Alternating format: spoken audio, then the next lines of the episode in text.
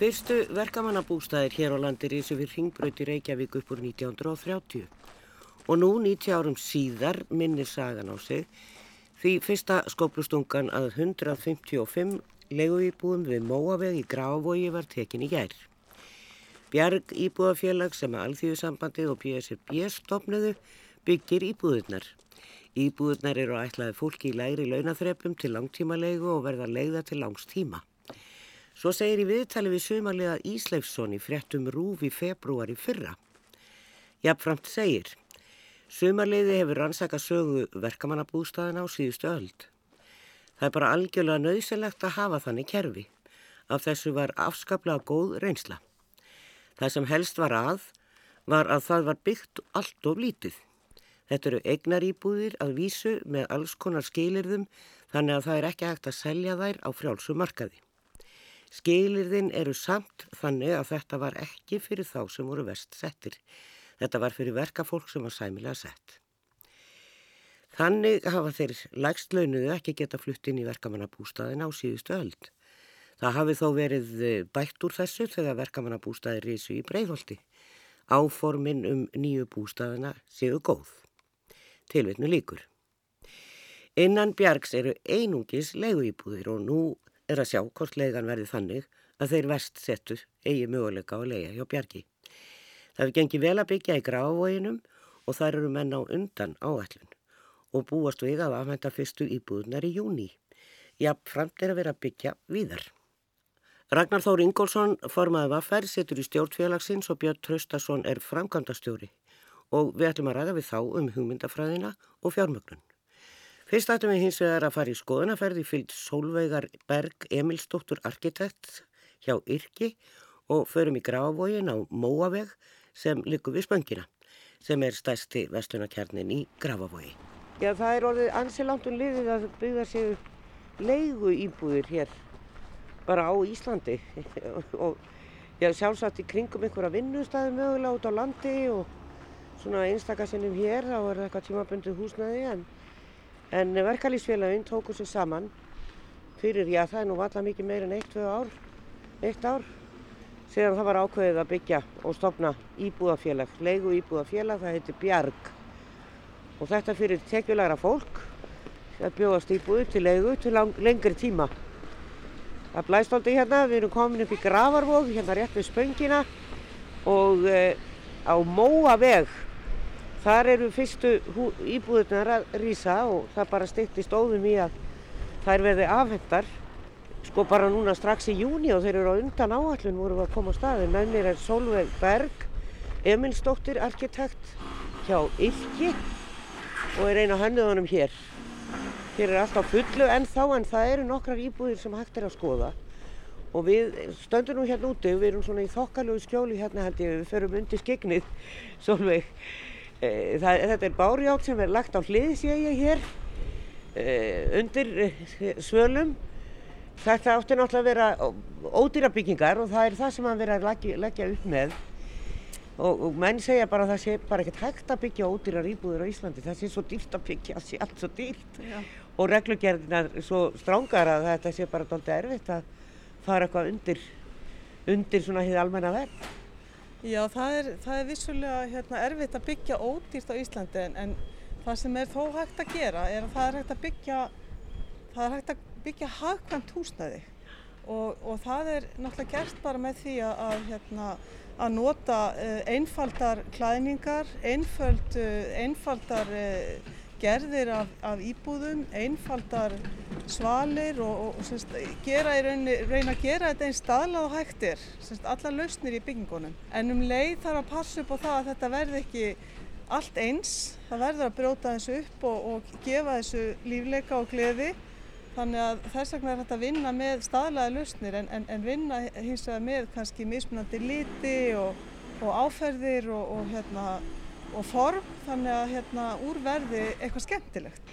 Sko það eru svo mörg hús að rýsa hérna, ég held að þetta væri bara einn blokk, er þetta allt inn í þessu íbúðafélagi? Allt þessi hús? Já, þetta eru 155 íbúðir já, og þetta, þessi, þeim er skipt upp í, í sjö hús og húsin eru liggja hérna á, þau standa hérna á lóð þar sem að það sem í miðjunni er garður.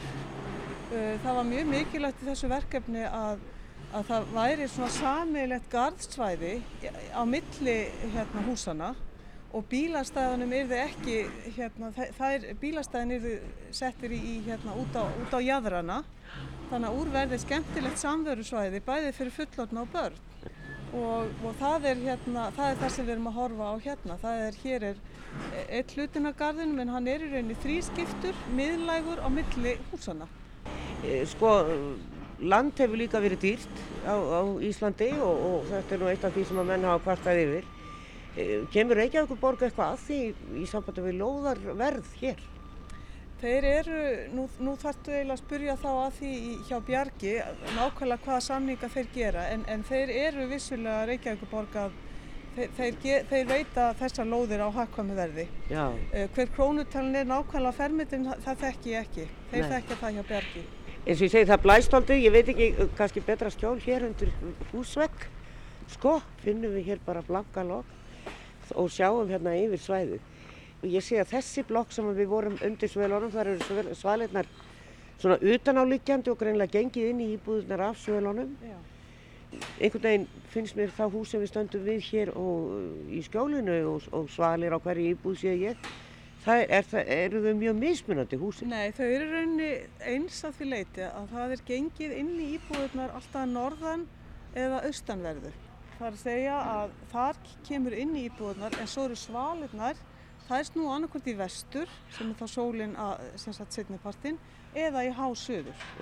Þannig að það er, það er blokkir sem eru hérna eða þau húsin hérna sem eru uh, sunnan megin, þau eru með svalinnar hinum megin Já. til þess að ná sem besti byrtu inn í, inn í íbúðurnar. Og svo það sem við hefum líka gert er það að að hérna á sunn, sunnanveðri lóð, lóðinni þar eru, íbúð, þar eru húsin einhvers þrjárhæðir á, á hæð vegna þess að þá kemst byrtan miklu auðveldar hérna inn í garðin en, en húsin hérna sem eru norðanvert þau eru, eru fjárhæða því þar, það kemur ekki skugga þeim inn í garðin. Nei, nei, nákvæmlega, nákvæmlega. Þess, það, eru, það er alltaf ingangurinn alltaf sem það norðanverðu og, og austanverðu þannig að það gengur alltaf inn í húsin hér. Þetta verður heiljaðan að garður, maður sér það hér sem við erum konar hérna aðeins út á lúðina. Já. Já. Þetta verður mjög hérna, þetta verður skemmtilegt svæði og það sem er, þetta er ekki einungis fyrir, þetta er auðvitað fyrst og fremst fyrir íbúðan, íbúana að nýta Já. en svo eru semst bara göngulega kerfið í gegnum, semst í hverfinu, það er leitt hérna í gegn þannig að það verður hérna líf og, líf og gleði hérna í, í þetta verður ekki, þetta verður svona lifandi svæði. Já, já, þannig að fólk getur stitt sér leið hérna gegnum þennan garð. Eh, eitthvað öðru í sig að hanna eh, svona þegar maður er svona undir því skilir að gera þetta eins ódýrt og hægt er heldur en ella að tekna blokkir. Já sko það er öðru í sig að því leitinu til að maður þarf að vega og meta hverju einustu laust að og það þarf að margkvælt að hana með 155 vegna þess að þetta er svo mikill fjöldi af íbúðum Já. og þá getur maður að tekja ákvörðun höfum við efna að gera þetta eða þurfum við að fara í aðeins einfaldari laust vegna þess að þetta markvaldast svo oft að þetta er svo stórt verkefni. Já, nákvæmlega. Það var eh, talað líka um að, eh, og ég sá að það var verið að flytja eh, einhverja blokkina í skip að utan og hún var að koma heim.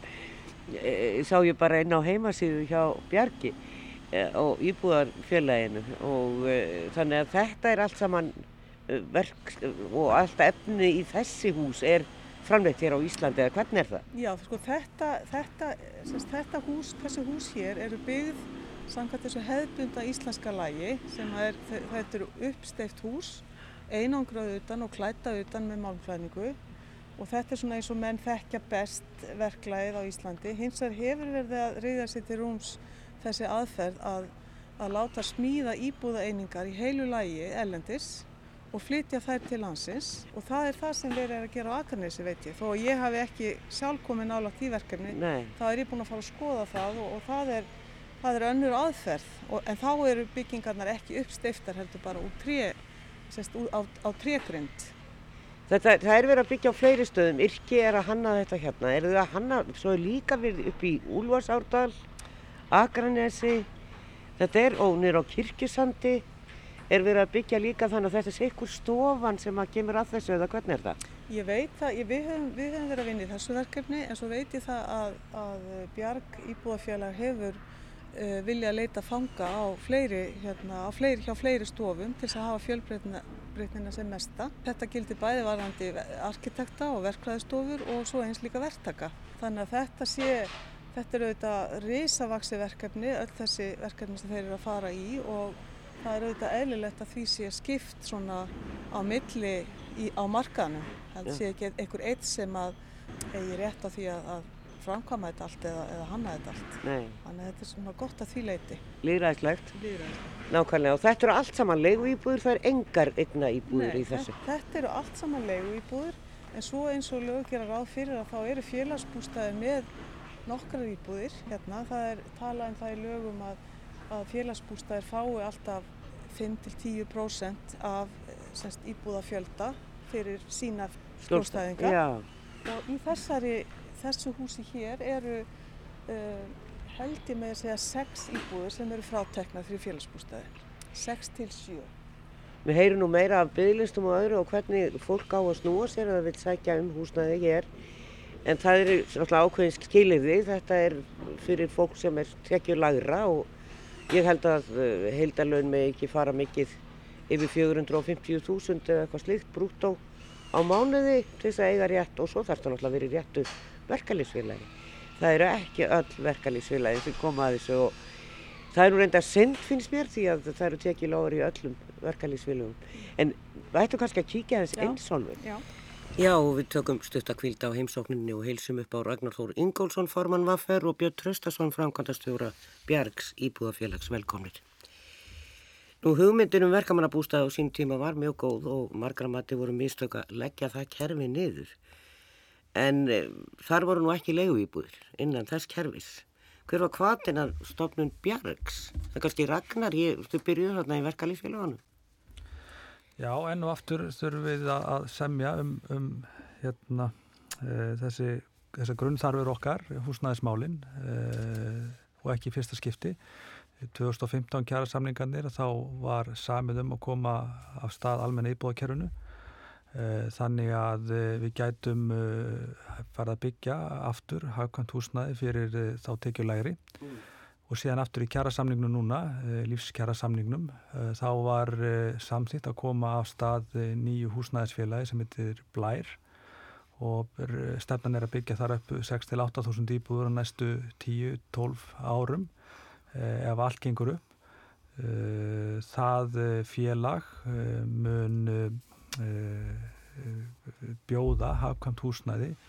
Eh, væntanlega, við erum með þetta ennþá á tekniborðinu til kaups og leigu fyrir uh, þá, þá félagsmenn stéttafélagana sem eru þá utan þeirra tekjumarka sem að Bjarg hefur sett. Já. og sömulegis var samið um að auka náttúrulega tvöfalda stoppstyrkina frá 2019 til 2021 uh, inn í almenna íbúðafélagi þannig að það verður aukning þar. Það var partur á því samkómulagi sem við gerðum í kjærasamningun núna og við erum að, að, að vinna núna fullu með að koma uh, þessu félagi uh, af stað, þessu nýja húsnæðisfélagi sem að mun síðan vinna, myndi ég segja stefnun er að það, að það vinni mjög náið í uh, uppbyggingunni uh, við hlið Bjargs uh, til þess að, uh, svona, að þessi félög Blær og Bjarg spili vel saman. Og það var uppröðulega hugmyndin þegar þegar hérna, þegar við komum Bjarga á, á, á fót að, hérna, að Blær kæmi síðan uh, í, í, í framhaldi og það er að verða veruleika núna.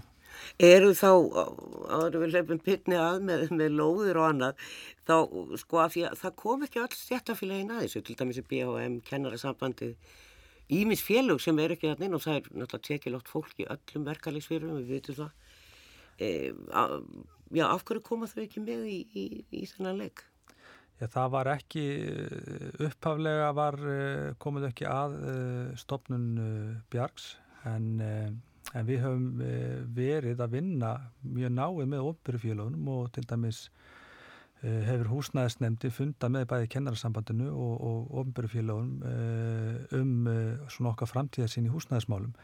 Og ég er bara nokkuð bjart síðan á að þau félög komi með einhverjum hætti að til dæmis blæ uh, hérna og stopnun þess. Mm. Þess má geta að Þórun Sveinbjörnadóttir sem er formað BHM, hún var með okkur í starfsóknum um húsnæðismálinn sem var skipuð af ríkistórnunni þessum átagshópi sem skilaði sér til um í desember síðastliðin Uh, og uh, þar uh, erum við og þar unnum við mjög náið saman einmitt og ofnbyrjufélum komið mjög mikið að þeirri vinnu með mjög góðum og mikilvægum hætti.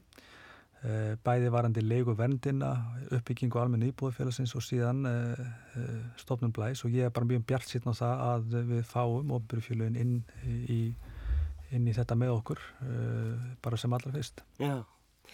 Björn, eh, sko, það hefur nú verið talað mikið um dýra lóðir hér í Reykjavík sérstaklega.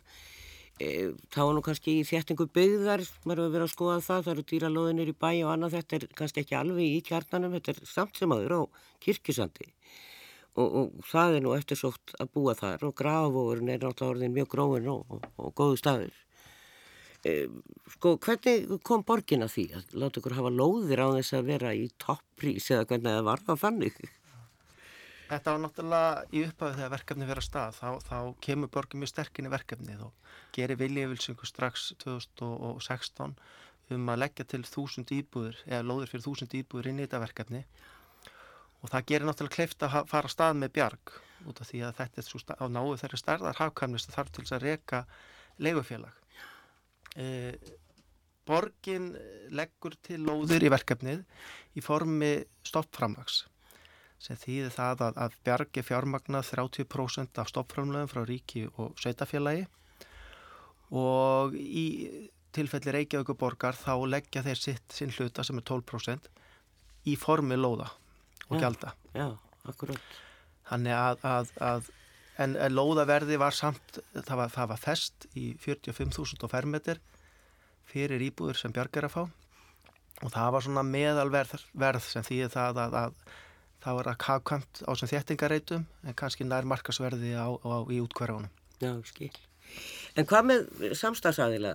Hefur menn áhuga að koma með í þetta? Því að ma maður hefur séð svona svolítið e, að það hefur verið erfitt að fá til dæmis verktaka í verkið. Þegar við leggjum á stað með verkefni fyrsta húsið upp á Móavegi og upp á Örðabrunni Eh, þá var mikið um að vera á byggingamarkanum og, og, og hérna við þurftum að, að ganga á milli og, og kynna verkefni, þetta var náttúrulega nýtt verkefni sem menn þekkt ekki, leita til verktaka að taka þátt í þessu með okkur.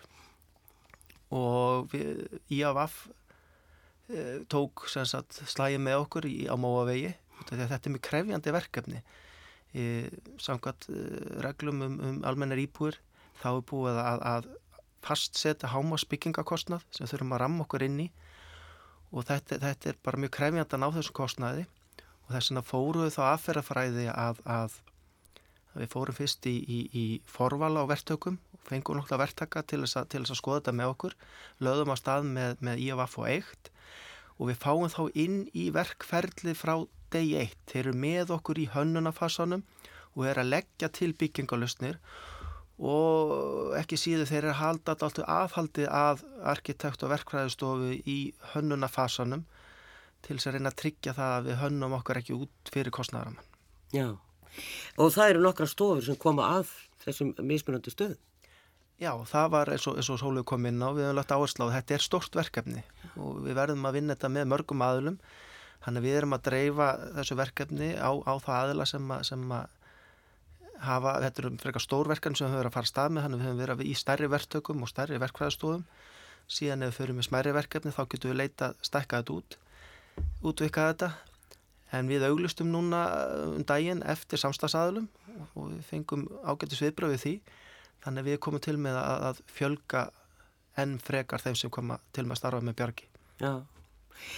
Fyrirmyndin Ragnar af þessu, man einhvern veginn, ég man ekki eftir því, ég bjó lengi í Danmarku að, að verkalýsfélagin var að berjast verið því að fólk ætti einhver staðir heima.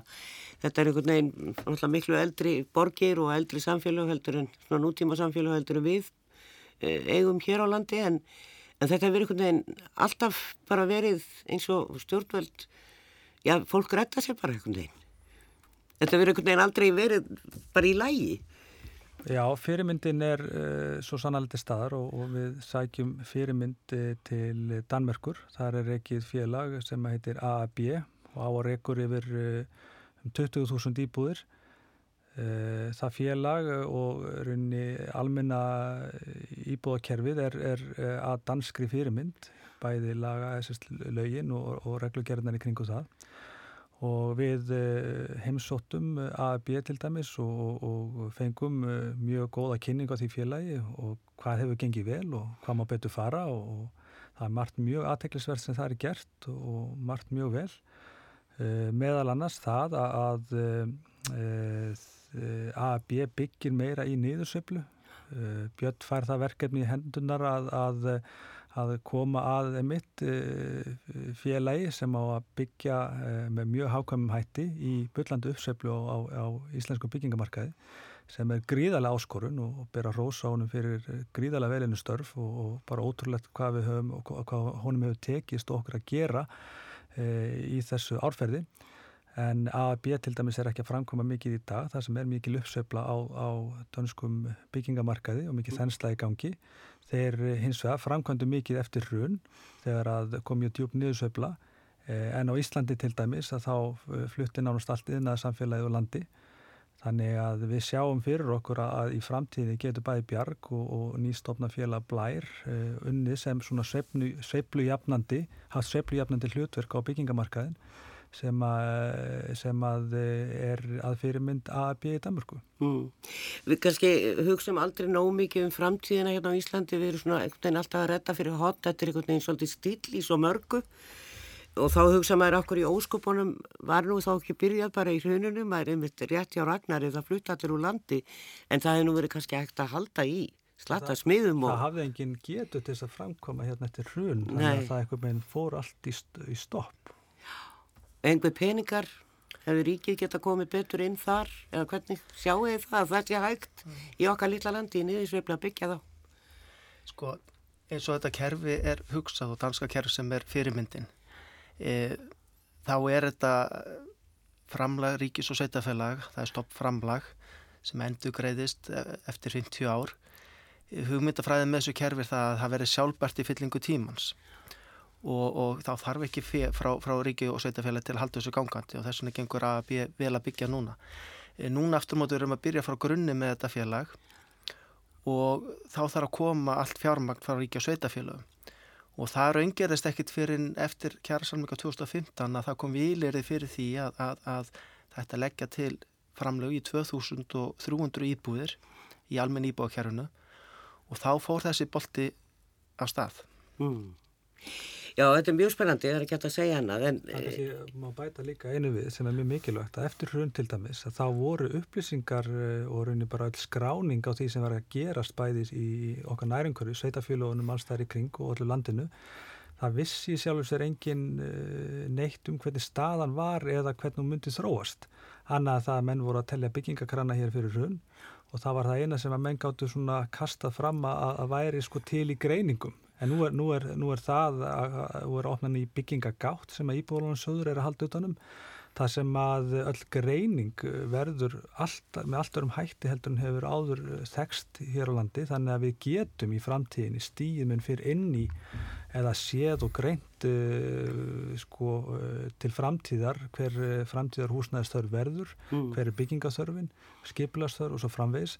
Þannig að vonandi tekst okkur að, að sneiða framhjóði í framtíðin að svona hlutir eða svona aðstæður kom upp eins og við höfum verið að sjá hér eftir raun. Já, þar voru hræðilegar og kranarnir voru með sér seldur úr landi held ég margi hverjir á þeim tíma. En e, við myndust aðeins á ég og Solveig líka að það var verið að flytja einingar að utan e, íbúðir sem að á að reysa á Akranesi. E, Var heyrði eitthvað töði við þessu líka? Akkur ekki verið að nota Íslandst vinnuafl og, og annað en er þetta hagkvamara að flytja einingarnar að utan? Já. E, Þannig eru við svona fylgjað þeim takti sem er bara í byggingageranum í löndunum í kringum okkur. Hann er að þróast mikið yfir í forsmiðar lausnir. Þannig er en menna ná fram, aukinni framleiði byggingareinaði. Við ákvaðum að, að fara í, í verkefni með þessum hættu bakaranesi þar sem að skipulag lóðarinnar henda mjög fyrir húsnaði þessari gerð. E, þetta er töluvert hafkamara. Það sem er að spila eh, stórt inn í þetta er byggingatími frá því skrifumundi samning við, við, við framkvæmda aðala þángar til fólk flyttur inn lið 8 mánuðir. Það er mjög, mjög skamu tími. Meðan við erum að tala um, höfum verið að tala um svona gegn heilt 80 mánuðir meðatali fyrir, fyrir henn hefbunda byggingamáta. Já. Í því fælst gífurlegu sparnar. Það er dýrt að fjármagna byggingatíma, það er dýrt að vera lengi að byggja. Þannig að þóttu tökum alveg út úr jöfnunni kostnaðinu húsin, þá er þetta mun hafkamari aðferð. Við höfum náttúrulega verið að nýta okkur forsmíð og lausnir á Íslandi gegnum tíðina og öðru leiti. Við erum náttúrulega allt, allt, allt mikið að byggingarefni kemur forsmíðað til landsins. Þannig að það sem við höfum að gera er að, er að steipa upp húsið og þannig þetta er svona næsti hlekkur í, í þróunar keðinni, má segja. Við erum kannski að setja eitthvað niður eitthvað kólefnisspór með að flytja þetta með stórum skipim sem ganga fyrir olju að utan en við varum sagt að, að svíjar séu farnir að byggja svona mjög mikið að steipi beiningar og, og setja þær upp á staðinum því að það sé umhverjusvæðna. Bæði sparnaður í tíma og annað og það sé miklu umhverjusvæðna en við kannski eigðum því með því að þessar þessa löngu fluttningalið. Já, við erum í raunin að flytja allt byggingarefni til landsins nema að sjálfsögðu sandin og vatnið sem fyrir steipuna en, en þetta er svona stóra, stóra myndin í þessu og við þurfum bara að fylgjast með því sem er að, er að gerst í kringum okkur mm. og, og, og þetta er hafðferðafræði sem er koma mjög sterkinn og, og hérna við erum að byggja þetta hús á Bakranis og það er núna er að, er að rýsa og við erum svent að sjá hvernig það kemur út við hefum ekki tekið ákvörðunum að fara í fleiri svona hús þannig við ætlum að láta þetta verkefni klárast og skoða þá. Já. En e, svona áður við heyrum aftur í solvöðu þá það verið að byggja 155 íbúðir þannig frá og ég, ég, þetta kom mér óvart. Ég held faktist þetta væri bara svona einn blokk og, og, og var ekki búin að kynna mér það nóg þannig að það var komið skemmtilega óvart. E, síðan vissi ég af þessu nýra á Kirkisandi og upp í Úlásálfælli og Akranissi. Eru, eru fleiri staðir inn í myndinni? Hvernig gengur svona vel allstaðar? Sko staðanir í dag er svo að, að, að Við erum búin að fá útlutað fyrir örmulega 900 íbúður lóðum. Við erum búin að hefja framkvæmdi fyrir örmulega 220 íbúður sem er framkvæmd núna. Við erum með á tekniborðinu núna þó nokkuð íbúðum og, og kom til með að hefja nokkuð verkefni núna fyrir sömarið. Við hefjum framkvæmdi við cirka 240 íbúður núna fyrir sömarið, en þá eru við komin með 8500 íbúður í byggingu. Og síðan erum við með 440 íbúði núna sem erum með svona forhönnuna stíi og, og, og leggjum á stað með þá setna þessu ári eða á næsta ári. Þannig að, að það er þó nokkuð mikið í pípunum hjá Bjarki og, og við lökum til að, að fara á stað með þessu verkefni og, fá, og fara í samstarf með sem flest aðila Já. í að láta þetta verða veruleika Það er bestamál. En við skulum bregða okkur aðeins aftur á Móaveginni fyllt Solveig Berg Emilsdóttur arkitekt og skoða eina íbúð. Hér komur einir íbúð hér á jarðhæð og uh, já, já, já, það eru skápar hérna strax, baðherbyggi, herbergi á vinstri hönd og annað herbergi á milli og baðherbyggi á milli, stofa og opið eldhús.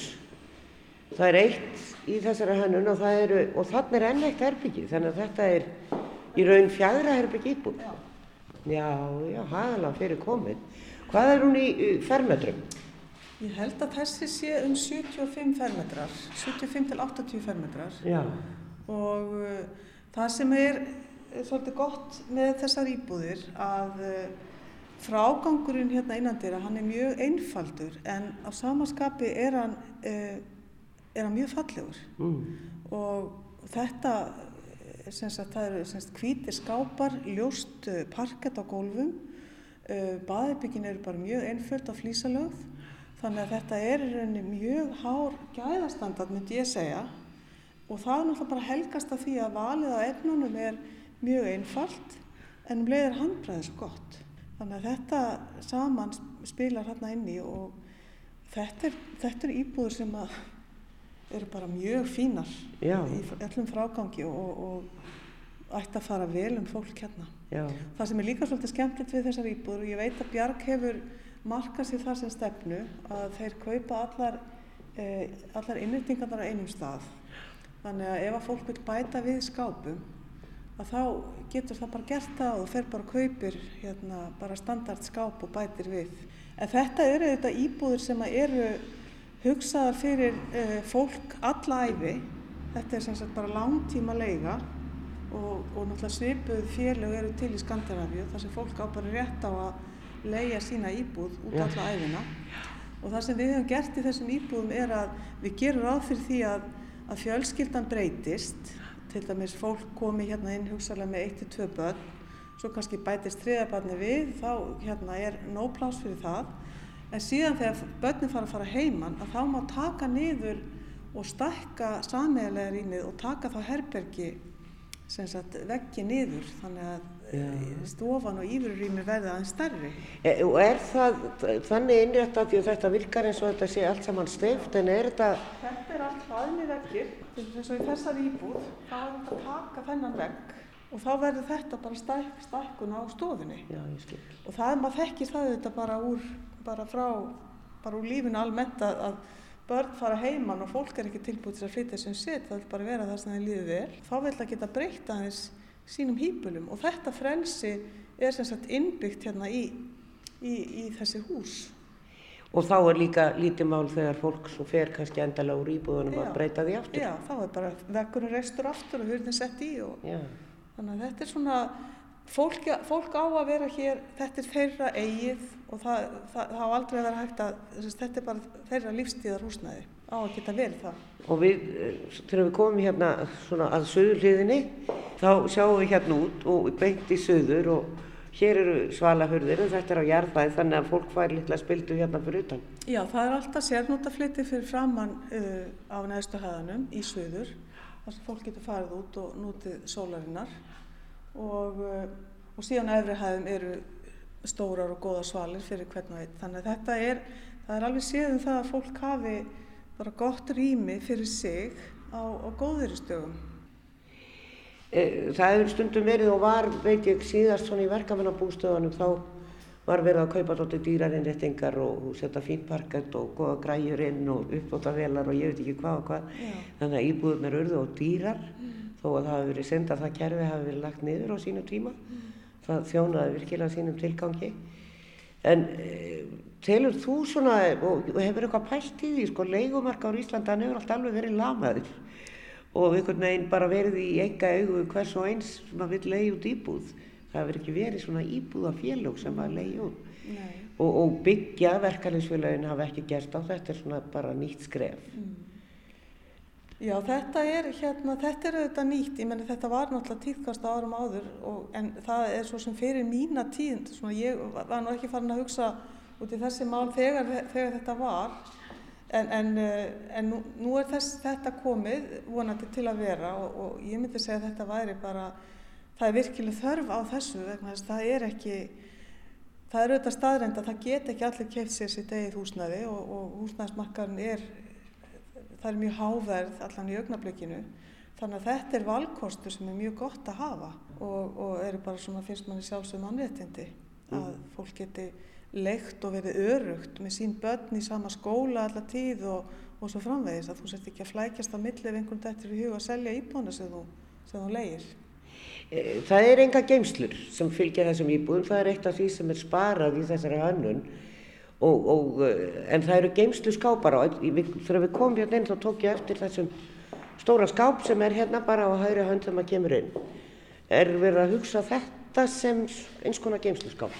Eða fatahengi? Nei, sko fat, þetta, það, það sem að hérna hleypir mjög mikið upp kostnaði eru stórir geimslu kjallarar og, og, og hérna þar sem þú ert með mikið af göngum og fjögra til 6-8 fermetrar geimslur. Þetta er bara gríðarlega mikil kostnað sem fælst í þessu og oft hérna, er það þannig að fólk kannski er að geima í þessum geimslum bara þar sem kemst fyrir í svona þremu skápum. Þannig að þetta er hérna eitthvað sem er í dag leifilegt að gera. Það er búið breyta reglugerðum, þannig byggingareglugerð þannig að, að þetta er hægt í dag fyrir örfáðum árum síðan þá var skilda að setja geimslu með hverju íbúð. Hún átti verið innan, innan dyrra eða, eða innan íbúðar eða í sérstökum svona geimslu kjallurum eða slíkt. En þetta er bara vissulega mikill kostur að geta gert þetta en þetta krefst þetta auðvitað að, að fólk safnar ekki að sér drasli. Nei, nei, ég held að sér flesti sem óskar þess að ég ekki fulla geimslu. Já, ég meina, hvernig er þetta með geimslunum? Maður, maður fer ekki onni í þessa kassa, það er búin að vera þetta í mörg ár. Já, og svo er maður geimandi fyrir börn og annað Já. ár eftir ár Já. sem er alltaf gott að losna við og hér getur maður sagt, sagt bara neyð því miður, skápurinn er fullur. Já, akkurat. En e, það er líka þvóttahús, það er ekki þvóttahús eða hvað, hvernig er það? Er reiknað með að fólk hafi það hér inn í íbúðinni, hjá sér inn á baði eða? Sko það eru, það eru þvóttahús, það er þvóttahús í hverju húsi. E, rými það sem er hægt að setja upp og, og, og Bjarg hefur hugsað sér að setja upp svona stærri vila þar sem getur bara pantað tíma í þvóttavélina en, en hins vegar eru baðherbyggin í öllum íbúðum þannig sagt, uppsett að það er hægt að tengja þóttálu þurkara við í hverju einasta baðibyggi. Þannig að þetta er svona val sem fólk hefur. Það, það þarf ekki að kaupa sér þóttavél ef að það lætur sér næja að þó bara í þessari sammeilegu vél miða við eitthvað fyrirfram ákveðin tíma sem, sem fólk er þá bara pantar, pantar tí, sérstaklega tíma í.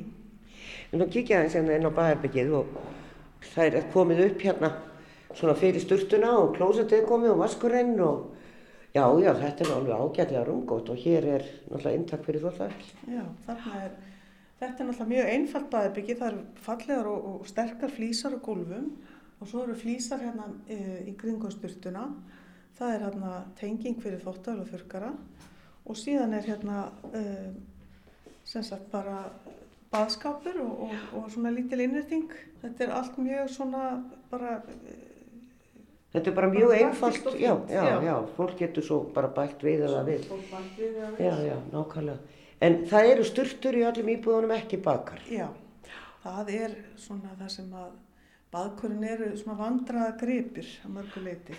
Þetta, þetta er miklu einfaldar að gera þetta svona fyrir utan að það eða miklu minna vatni sem er nú líka eitthvað sem það þarf að hugsa um. Annars sem þú sagðir að bílastæði, það er ekki bílakjallara hér. Jú, það, er, það eru 120 stæði sem að fólk hér á svæðinu eða hérna í þessum sjöhúsum getur notað og helmingurna þeim er í bílakjallara sem er hérna undir miðri miðjusvæðinu og ofan á því er gardurinn.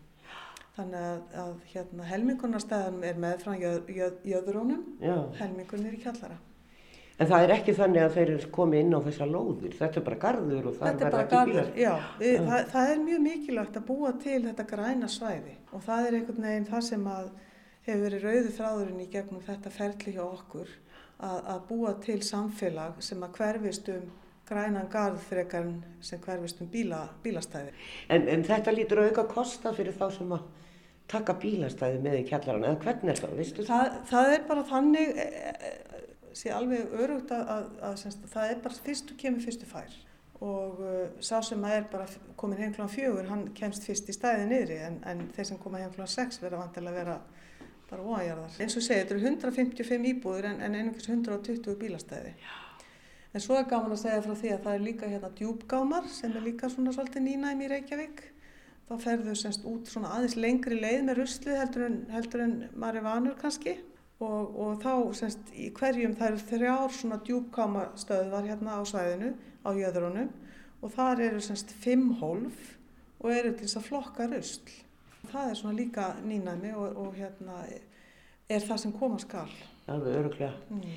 Og svo er verður hlæðslustöð hér fyrir rafbíla? Já, það verður hlæðslustöð hérna og uh, þannig að já, það er bara, þetta, þetta er bara nútíma, nútíma lítil byggð með öllum þessum nýju áherslum. Semst í rauninni búið að raungera þessa nýju áherslur í, í skipulagi Reykjavík. Það er búið að leggja mikið yfir þessu? Já, það er búið að liggja mjög mikið yfir þessu og þetta verkefni er líka unni þannig að þetta er ekki unni þannig að arkitektin bara gerir teikningarnar og svo er bara frangand eftir því heldur er þetta samvinna verkkaupans, verktakans og arkitektsins að, og verkræðingarna sjálfsögðu um að finna lausnir sem eru hakkvamar en, en um leiða að halda gæðunum eins eh, miklum hægt er. Mm. Þetta þarf að standa í tugi ára. Nákvæmlega, vonandi og verður bara áfram legu íbúðir. Já. Og þar með hverju við Sónvöðu Berg Emilsdóttur arkitekt hjá Yrki. Við höldum hins vegar áfram hér að ræða við Ragnar Þór Ingólfsson forman og aðferð og Björn Tröstarsson framkvæmdastjóra Bjargs.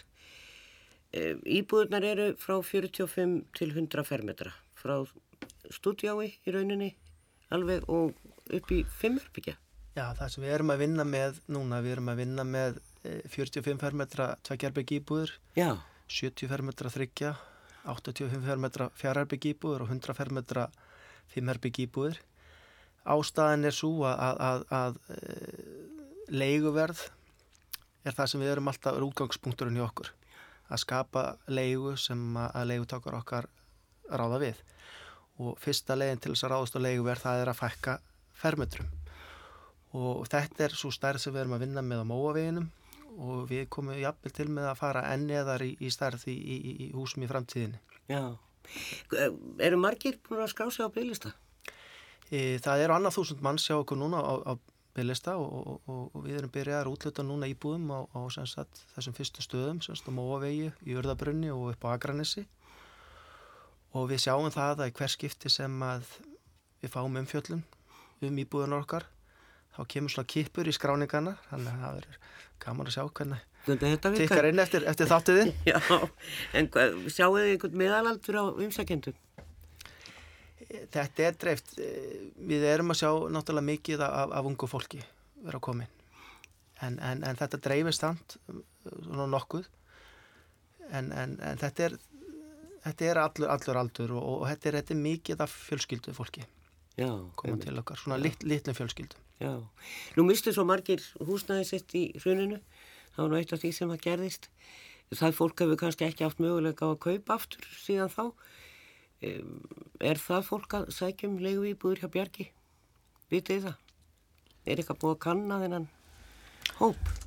Við hefum ekkert svo sem farið, farið svona djúft í baksögu umsækjandana. Nei, En, en þetta er sannlega fólk sem er núna á þessum erfiða leigumarkaði og er, er jafnvel að rekjast á milli íbúða og, og er bara mjög sátt við að sjá loksins svona framtíð í einu húsnæði og Já. einu er líka kannski annað í þessu að, að þeir einstaklingar sem að eh, mista allt sitt í runinu og hafa þ- ennþá ekki, eh, hvað segja, ofinbert lánströst til þess að komast inn á þennan hefðbunda legumarkað uh, eru á sörtulistum inn í ba- bankakerfinu.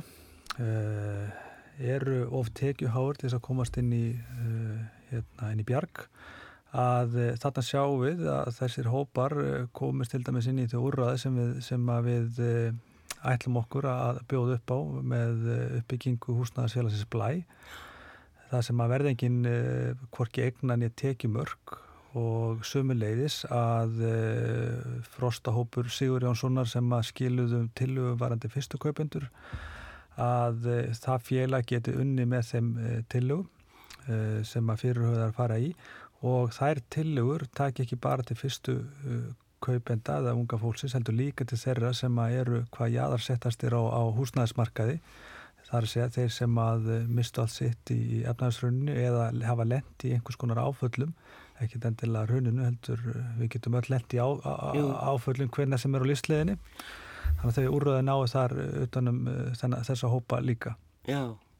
Það er eitt sem að ég veit að í leigukerfinu til dæmis í Danmörku er það þannig að ef, ef þú hefur búið í leigu, þessari leigu íbúð alla tíð ég veit ekki hvort það er bara innan kaupmannhamnaborgar eða hvað það er en þá geta börnin jafnvel ert leigusamningin þannig að fjölskyldan í rauninni getur haldið þessari íbúð þegar þú kannski ekkert að hugsa svo látt Við, við fengum alveg kynningu þessu þegar fórum til Danmarkur að, að, að, að þessu, þessu hvernig þetta virkar þar. Í okkar tilfelli er þetta þannig en að, að rétthafi sem er á leigusamning, hann, hann heldur íbúð og, og hérna, en í dag er þetta ekki þannig að nervist. Nei, nei, nei, en þetta, ég veit að því maður þekkti fólk í Danmörku sem að bara Já, En eru íbúðin hennar Danmörk- mömmu. Já, en í Já. Danmarkur er þannig ef að þú ert uh, uh, uh, kannski sonur eða dóttir réttafa og þá þetta var búið í ákveðin tíma hjá réttafa til þess að eiga möguleika á að fá íbúðuna síðan eftir það.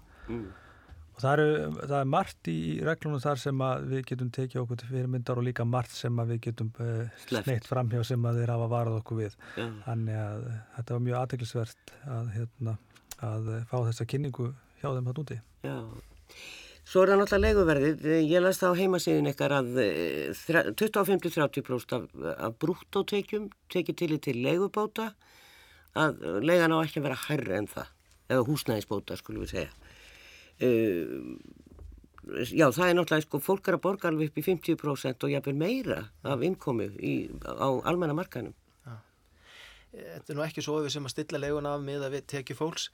Leiguverðið hjá Bjargi, þetta er non-profit félag sem stánhagna svona með það. Þannig að leiguverðið samastendur á þessum þremum ásum, það er annars vegar byggingakostnaður og þar eru við að vinna á þeim ás núna í þessi byggingaferli og ná niður byggingakostnaði.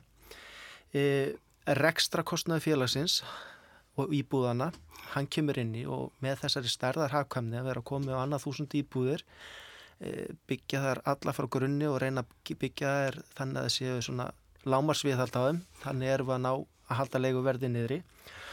Og þriði ásinn er, er, er síðan vextir á langtíma fjármögnun og það er mjög viktar, mjög stórt í leiguverði. Út af þessari jöfnu fáum við bara netto rekstra kostnað íbúðar. Og þar sem við erum áhagnadrifi félag þá er það leiguverði okkar. Mm. e, þú þart þetta leiguverð má samkvæmt lögunum ekki fara yfir að meðatali 25 30% af heildatekjum að teknu til þetta húsnæðisbóta. Og það er að tala meðatal þannig að það, við tökum svikumörkun upp í 30% þannig að ef að leiguverðið er yfir 30% af tekjuniðinum þá áttu ekki rétt á að fá íbúið frá bjargi. Já, og þá kannski gott að, að nota tækja verður alltaf staðsetja bjarg. Við erum með húsnæðismarka þar sem við erum með e, félagslega kerfið sem er Reykjavík borgi til dæmis er Reykjavík félagsbústæði og allt sveitafélag er Reykjavík félagslega kerfi. Síðan erum við með almenna markaðinn það sem við þekkjum, bara kaupa og lega. Síðan erum við með þetta gat sem var þann á milli í smarkanum og þar er bjarg að vinna en við erum sem sagt þegar útkomin yfir þessa greiðslu þess greiðslubyrði þá er það kannski frekka félagslega kerfi sem kemur inn í eða þá sérstakku húsnaðistunningur frá sveitafélagi til þess að ná þér yfir þessi 30%. Já, en, en það er nú samt þannig og við vitum það að fólk er að koma inn í bankana með ágættist tekjur og það er að borga legu upp yfir 200.000 og kemst ekki gegnum greiðslumat vegna þess að það er sagt að það verður ekki ráð á að, að kaupa íbúð en hins vegar er kannski búin að vera að greiða þess að háa legu í, í doldi langan tíma. Þannig að fólk myndi alltaf fara niður í legukostnaði inn í bjargi ja. á miða við almenna markaðin Bjarg. Já. Skal taka fyrst bara, bara, bara, bara umgjörðina. Við erum að vinna bara eftir lögum með almenna íbúr þannig þessi, þessi mörg, tekjumörg og, og, og, og greiðslumörg þau eru alls sett af velferðarraðanutinu Já, nákvæmlega Sumulegis hafa bankarnir heimil til þess að taka tillit til eh, greiðslu sögu og þess að greiðslu getur fólks eða hefur mitt verið á legumarka þeim er heimilt að gera það en síðan aftur á móti hvort þeir gera það það er síðan uh, önnur, önnur spurning. Það er allt önnur ella. Já, Já. og, og sömulegis við það tekið komið inn á þetta bæði inn í starfsóknum, átóksóknum um húsnæðismál og síðan líka varandi fyrstu kaupa úrræðin varandi greiðslumati, það komið inn á þessu hluti eh, þar líka.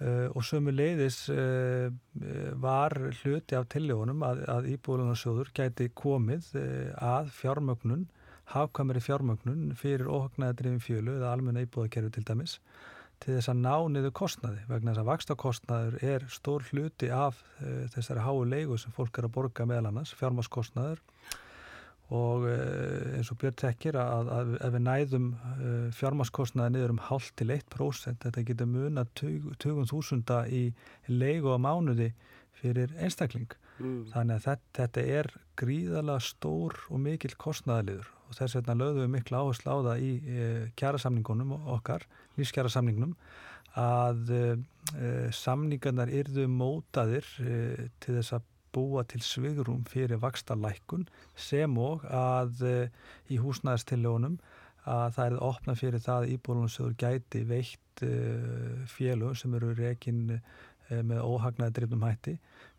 hagkvæma fjármögnun til þess að ná niður leiguverði. Það er að segja félög sem sannarlega skila læri fjármáskostnaði og læri vöxtum í, e, til í endalögu leiguverði. Mm. Þannig að þetta er, e, þetta er mjög stórt mál hjá okkur og við hérna, lögum mikla áherslu á þetta í, í okkar samlingum. Já, skil. E, sko með þetta í huga, því að það er ekki all verkalýsfélagin þannig ekki enn sem komið er og það getur breyst. En geta eh, aðrir í öðrum verkalýsfélögum sem, sem er ekki að koma af þessu sótt um húsnaði hjá Bjargi eh, svo framalega sem eru undir þessum tekjumörkum? Eins og, og útlutunarreglu Bjargs er í dag. Bjarg er eh, stopnað af ASI og BSIB. Þannig að öll aðeldafélag ASI og BSIB hafa aðgengið í búðum Bjargs. Og, og þannig er staðan í dag að, að þetta er það hópur ef hins vegar að, að við eigum rýmdi íbúum, umfram rýmdi íbúum, þá megu við fara út fyrir. Já. En, en ég sé nú ekki það að vera að gerast alveg á næstunni. Nei, með 2000 mann svo bygglist alveg nú þegar og, og, og 155 e, á leðinni núna strax. Ég finnst það alltaf tala þannig að, að, að e, nú erum við í starttólunum með nýtt húsnæðisfélag Blæ að uh, ég er mjög ofinn fyrir því að uh, bæði BHM og, og kennararsambandi komi inn í, í þá vinnu með okkur og komist inn í það félag og þau úrræði. Þannig að uh, ég myndi segja að ég er allavega mjög ofinn fyrir því að, að, að opna þetta sérstaklega til félag okkar í öðrum verkefliðsringum Já, hvað er svo líbú allir að vera, allir að lifa fólki að vera með gælutýr? Þetta er bara vandamál bæði eignar og, og, og, og sambíli. Þetta, þetta er eitt eh, staðsta máli sem kemur inn á borð, stjórnaborð AAB í Danmörku. Það er gælutur að haldi í, í, leifibúðum. Allir danir eiga hund. Þetta er allstaðar. Já. E, við, við erum búin að taka þessu umræðu og við ætlum að vera með nokkuð svona skýra reglur um gælutur. E, það verða ákveðin hús hjá okkur sem heimila gælutur og fólk getur sótt um íbúður það sem ávera með gælutur og, og í öðrum húsum verður það bara ekki heimilt. Hann er að, að við erum búin að setja nokkuð skýran ramm utan og um gældur að hald í búin björgs, þannig að við erum ekki, ekki að banna gældur en þeim er stýrt þá í ákveðin hús. Nákvæmlega, þannig að fólk eru þá að sætta sig við það. En e, þú varst að tala mikið um vextina og þetta væri að stjórna leguverðinu e, að miklu leiti en, en hvað með Þetta eru tveir stærstu liðna, það er byggingakostnaður og, og, og fjármaskostnaður og í sambandi við byggingakostna bygg, það er margir verktakar sem ég tala við og arkitektar sem tala um reglugjariðnar. Það séu svo strángar og það er reyndir búið að vera að rýmka svolítið núna undanfærin ár. En þarf að rýmka meira til þess að geta byggt að hafa hvað túsnaði? Já, byggingareglugjörðin, hún er búin að breytast held í áttasinu frá 2012 og litli sigrar í hvert einasta skipti það er komið margt gott inn í hana til dæmis þessar geimslu lausni sem við erum að nýta okkur í húsunum og við erum að nýta okkur mikið þessum, þessum uh, tilslökunum sem hafa verið gerðar. Við erum samt ennþá að reykast á marga veggi sérstaklega í sambandi við brunamál og, og hljóðmál sem eru mjög strángari heldur enn í löndunum í kringum okkar. Þannig að við getum ekki nýtt okkur beint lausnir, þekta lausnir. E, ég heyri samt að það er að vinna fær í gang núna að, að, að bera saman byggingareglugerðir Íslands og, og annara Norðurlanda og við bindum vonu við það að, að þar með náist svona jafna þess út og þessi síðustu nökrar fari en, en sannlega er hún að leipa upp kostnaði núna á þessum tveimum ásum aðala, þess hljóð og brunni. Já, það er nefnilega það. Vart annað að spurjum en við komumst ekki lengra að þessu sinni Ragnar Þór Ingolson, formaðum Affer og Björn Traustason, framkvæmtastjóri Bjargs. Takk fyrir. Takk. Takk.